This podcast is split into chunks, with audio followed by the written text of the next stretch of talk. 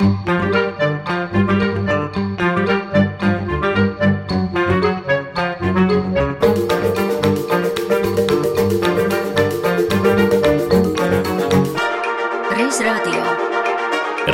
radio ar šodienas skatu pagātnē.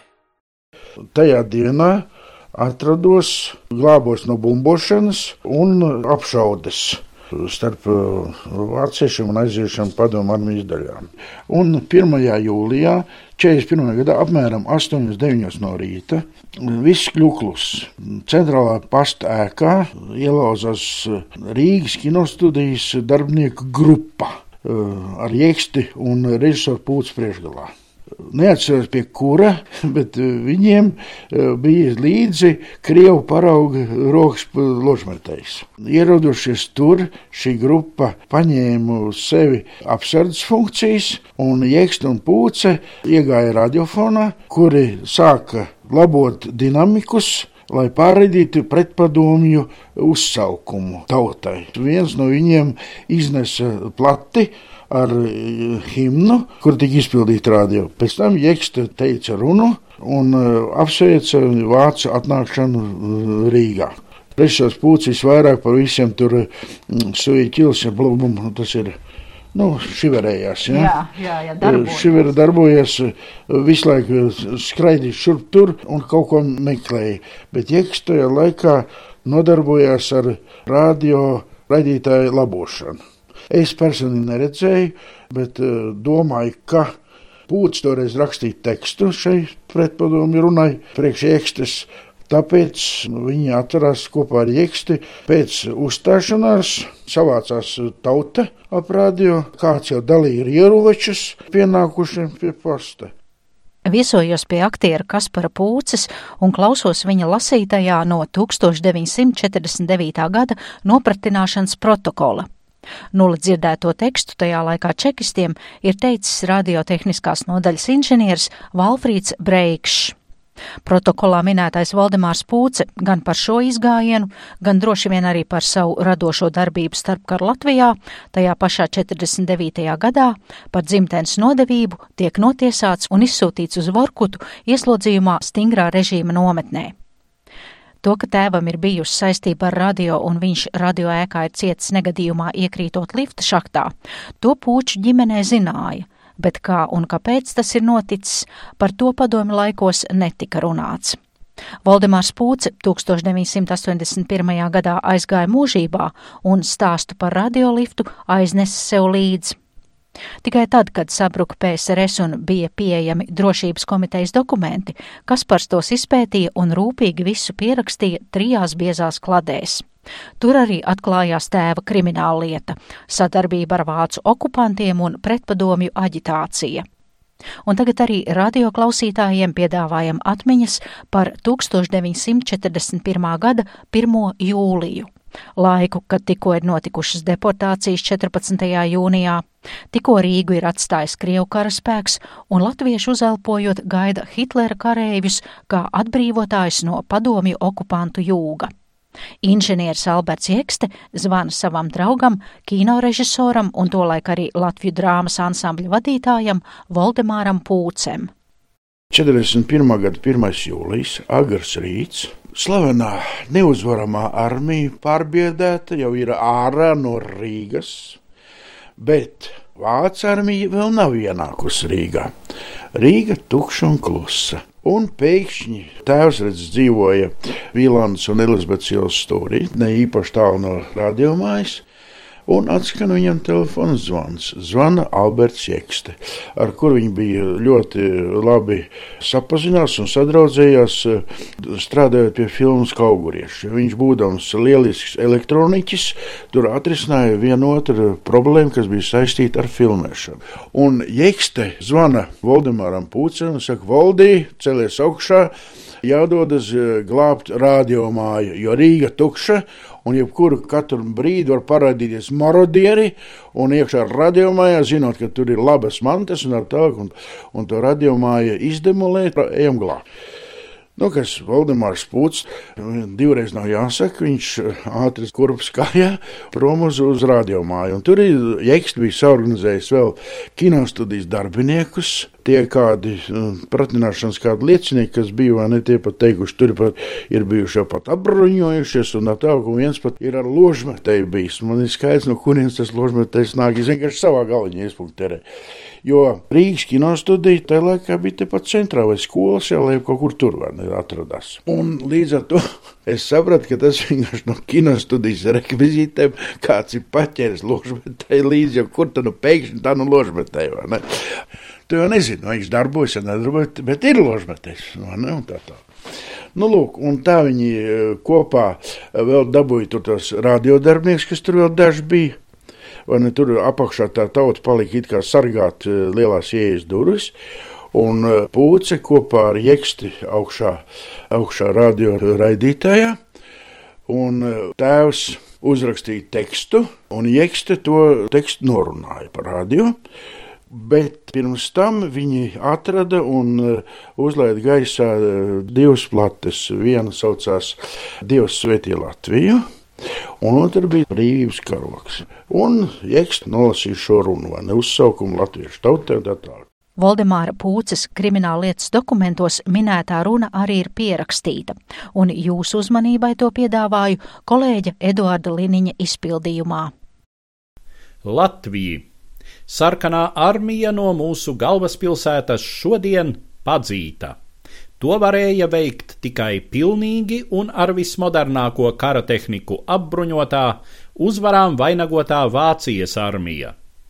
Latvieši, esiet tagad vienoti visi kā viens vīrs, sagaidiet vācu karavīrus tagad ar pateicības gavilēm un sniedziet palīdzīgu roku, kur vien un kā vien varēdami, jo reiz par visām reizēm gals Latvijā komunismam postu, ko nesis karš, salabosim, bet nesam neviens spējīgs vairs atdot dzīvību tiem labākajiem Latviju dēliem un meitām, kuri tika čekas kamerās Rīgā stabu ielā 12, nobendēti un centrāla apkures krāsnīs sadedzināti. Laipni lūdzam ikvienu glābt no ugunsposta, kas glābjams, jo tas nāks tikai mums pašiem par labu. Pilsoņi, kas vēlas ņemt dalību kārtības uzturēšanā Latvijas galvaspilsētā Rīgā, tiek lūgti sapulcēties pie pasta ēkas centrā, jo katrs ir saimnieks savā zemē. Pulcēsimies zem Latvijas sarkan-balts sarkanā karoga, lai dzīvo Hitlers un viņa neuzvaramā armija. Virsnieki, instruktori, kareivji, kas vēl dzīvi, vecie partizāni un 19. gada kara dalībnieki. Nākat pie mums, mēs jūs gaidām palīgā katrā laikā un vietā.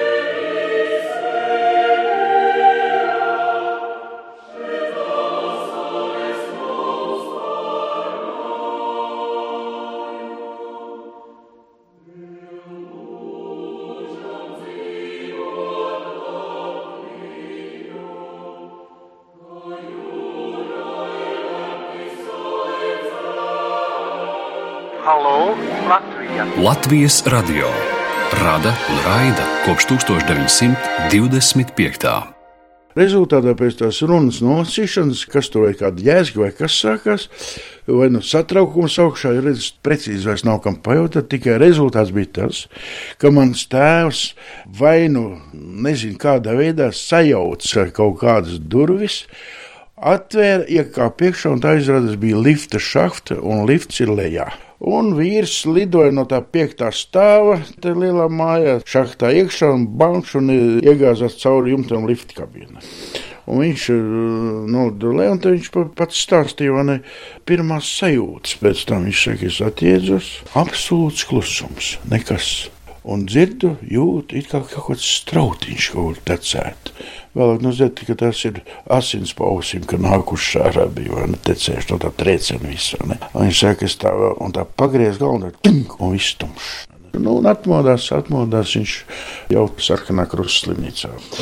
Nu, lūk, tāda tā radio glābšanas savu veidu tāda nezināma epizode, kurā galvenie varoņi bija divi kultūras darbinieki, jauni vīri.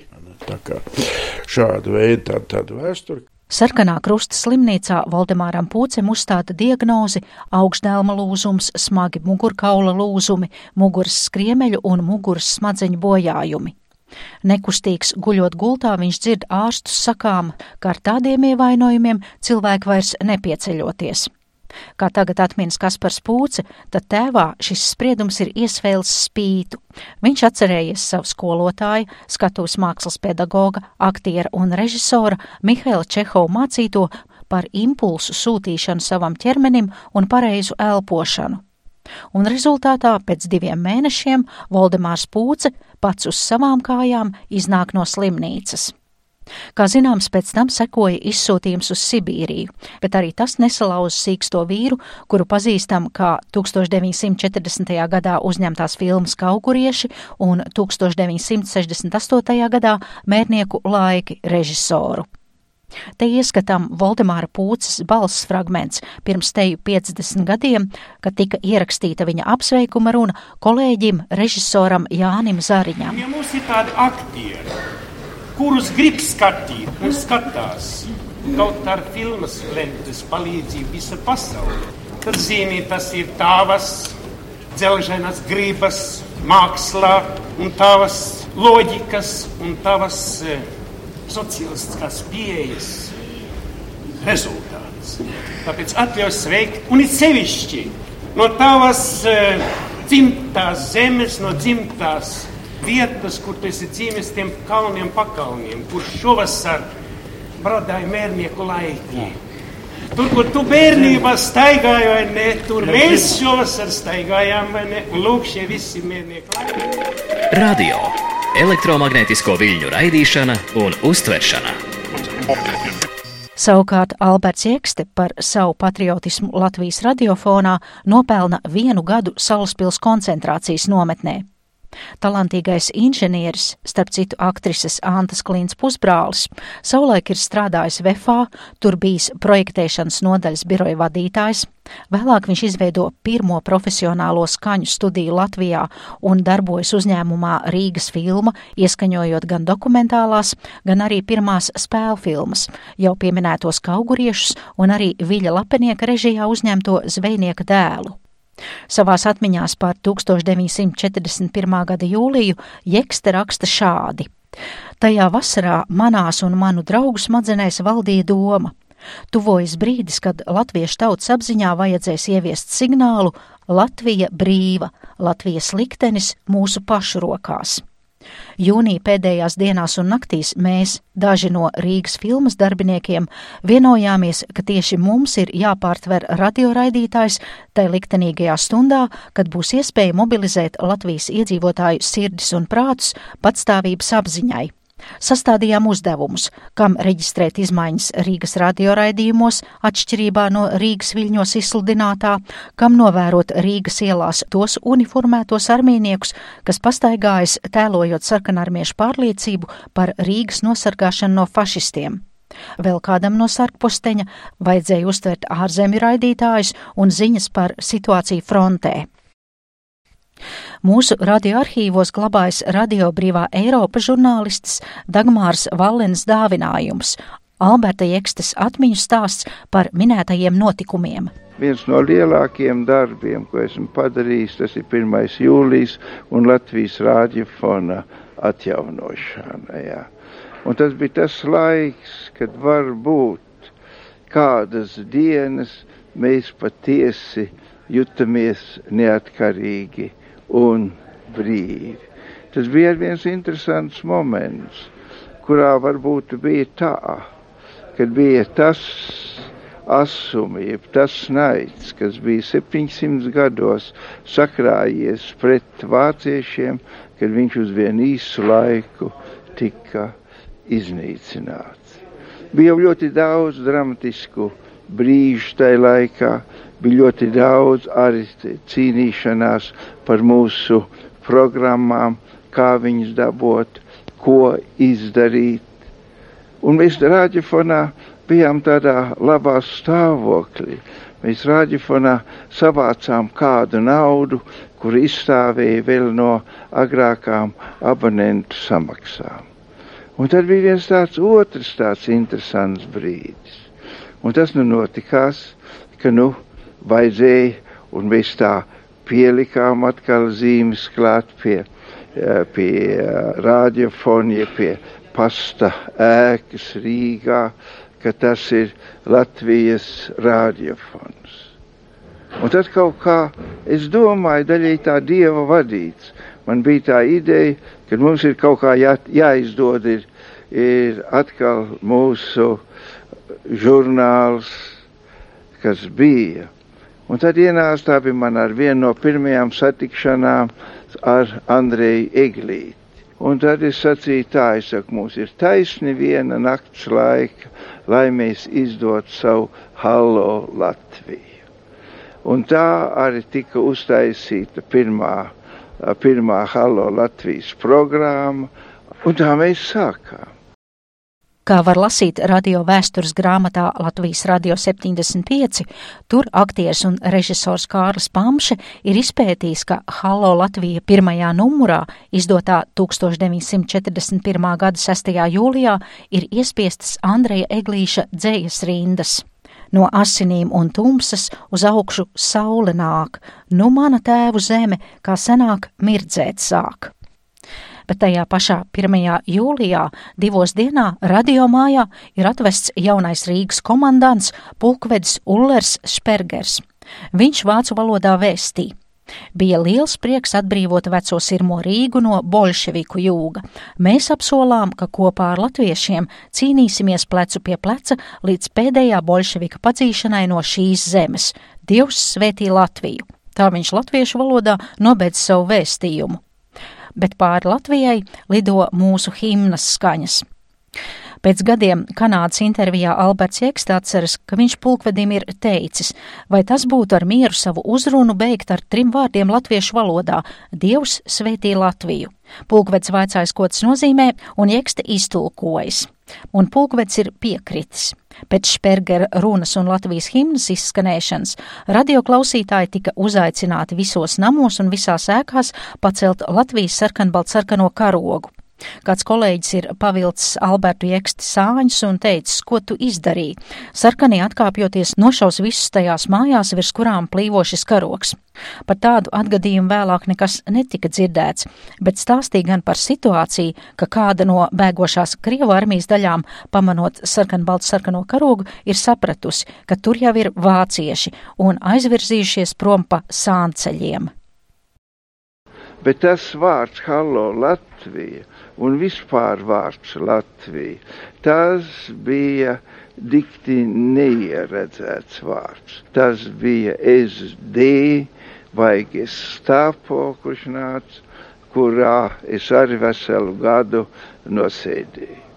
Un tad sākās tādi tādas divas tādas līnijas, kuras nāca. Un tā viena līnija bija, kur tomēr ar saulīti, ar rasmani, ar klāsonu mēs mēģinājām uzturēt vairāk vai mazāk to latvisko līniju. Bet tad arī ieradās pie mums saucamie zonderfīreri īs, īsā laikā, kur katram gadienam gribēja dabūt to savu vācisko līniju cauri, un tie lielākie kari, kur jau mums bija, katrā nedēļā nāca pie programmas sastādīšanas. Kad pārņēma pārtas, Reichsdeutsche Rundfunks to lietu ir, un ka tagad visus, visus tagad nāca viens tāds Kīglers, kurš bija, ka tā ļoti slavināja tagad visus tos vāciešus un tos sonderfīrers. Tam viņš pienāca ar pie manis klāt un teica, vai jūs negribiet ar saviem latviešu darbiniekiem ko teikt, vai ne? Es teicu tā, tas, kas man ir viņiem jāsaka, to es pateikšu. Un tad Rasmanim Jānim mums bija tā, tā, tā viesu grāmata, vai ne? Un viņi kaut kur Latvijā vēl ir arī norakta, un kur es ierakstīju iekšā, Latvijas rāģifons būs, un ka viņš nākošreiz būs, tad viņš mūžīgi paliks.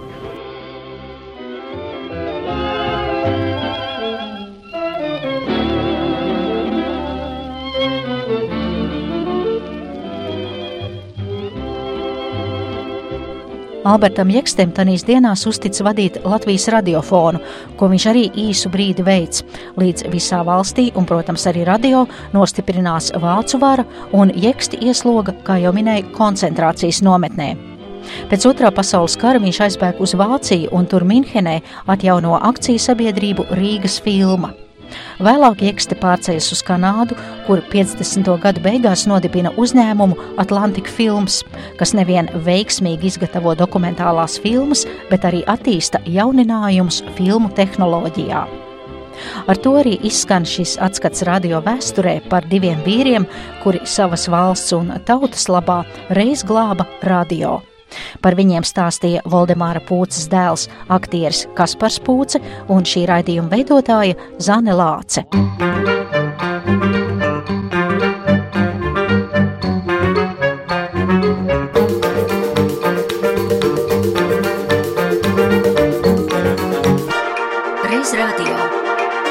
Reiz radio ar šodienas skatu pagātnē.